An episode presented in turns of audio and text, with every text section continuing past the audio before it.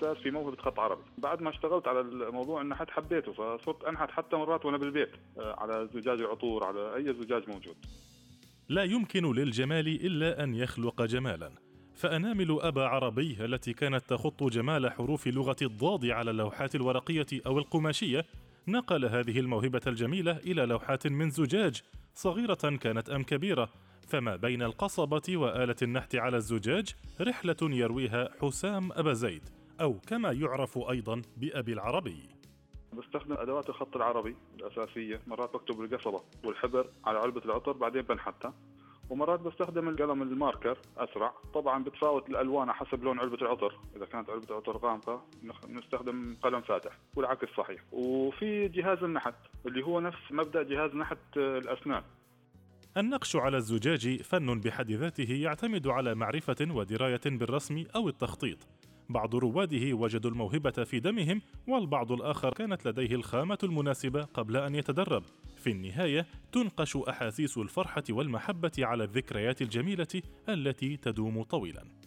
بالأساس في موهبه خط عربي. بعد ما اشتغلت على الموضوع النحت حبيته فصرت أنحت حتى مرات وأنا بالبيت. أنحت على بالخط العربي أو الإنجليزي مثلا آه، على زجاج العطور على أي زجاج موجود. الزجاج نفسه بينحفر حفر بالخط العربي أو بالخط الإنجليزي أو في رسمة معينة بتكون مثلا موجودة. لما يطبع عليها طباعة بتروح هي الطباعه مع الزمن. ولكن إذا إذا بتنحفر حفر بتضلها طول العمر. حتى لو خلصت العلبة ما في داعي يعني يتخلص منها.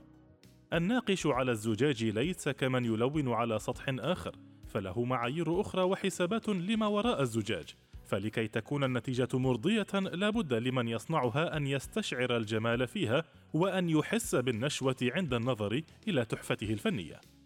النحت على الزجاج فيه شغلة حلوة إنه بتكون قدامك مادة صلبة. بعد النحت في مرحلة اسمها مرحلة التلوين اللي هو بيكون الألوان اللي metallic اللي بيكون فيها لمعة. فيا ذهبي يا فضي على حسب style العلبة أو الألوان الموجودة في العلبة نفسها. فبعد ما تنحت وتشوف البودرة تبع الزجاج هيك المنحوتة لما تلمسها بعد ما ينشف الصبغ. وبيبين لون العطر من داخل بيعكس على الألوان المستخدمة اللي هي مصبوغ فيها الكتابة. مثل الزجاج المعشق بتطلع هيك تحفة فنية حلوة كثير يعني. خرج هدية ممتازة يعني مشان هيك عم يستخدموها محلات العطور عم بيتصلوا معنا مشان آه، كل مناسبة بكل سيزون آه، كل شغلة بيتصلوا مشان آه، يقدموك عرض مجاني للزباين. حسام له من أسمائه نصيب فما بين جده أبا زيد وابنه عربي. لم نجد لديه إلا إجابة سخية عندما سألناه عن أسرار مهنته. في بالأساس لازم يكون يتعلم موهبة يدوية وإذا صعب عليه بالتعلم بيقدر يعمل تريسنج يعني يطبع شغلة وعلى ورقة ويحطها ضمن كاس زجاج من من الداخل وينحت عليها من الخارج. وبالنسبة للأدوات تباع عند محلات صياغة المجوهرات أو المعدات الطبية لمراكز طب الأسنان لأنه هي نفس ماكينة حفر الأسنان ولكن بشكل مصغر. كانت هواية حسام منقذة إن صح التعبير فقد أصيب في مرحلة ما بمرض ضمور العضلات الذي تطور تدريجيا حتى وجد نفسه مقعدا على كرسي متحرك. وبعدين لما اجيت على دولة الإمارات العربية المتحدة بعد فترة بسيطة صابني مرض ضمور عضلي. بالأول كنت طبيعي الحمد لله ما في مشاكل.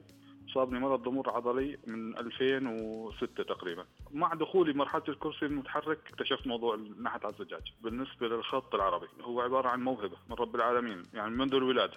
ربما كانت عزيمة أبا العربي هي من أبت استسلامه للمرض وساعدته في توظيف مهاراته الفنية بشكل فعال وشريف فحتى من على كرسيه يده هي العليا.